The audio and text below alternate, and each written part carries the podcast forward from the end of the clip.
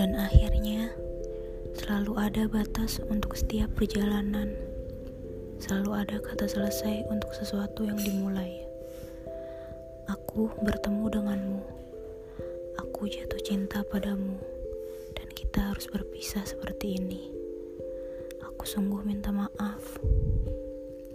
Nanti aku akan kembali menemuimu sebagai seseorang yang cintanya masih, rasa ingin memilikinya sudah